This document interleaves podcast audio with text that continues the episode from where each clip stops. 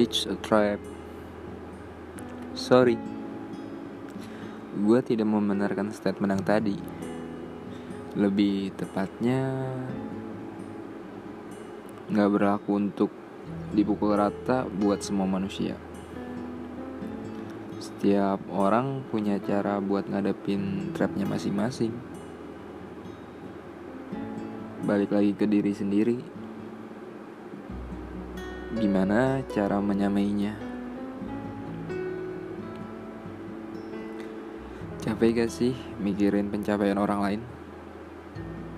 Capek gak sih ngebanding-bandingin? Capek gak sih terlalu mikirin kata orang lain? Coba deh Semua input negatif yang masuk ke pikiran Dijadiin output yang positif Soalnya menurut gua Pikiran kayak gitu tuh Seperti pedang bermata dua. Bisa membunuh kita Atau bisa jadi senjata utama kita.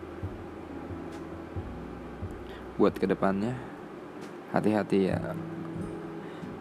Your man Kills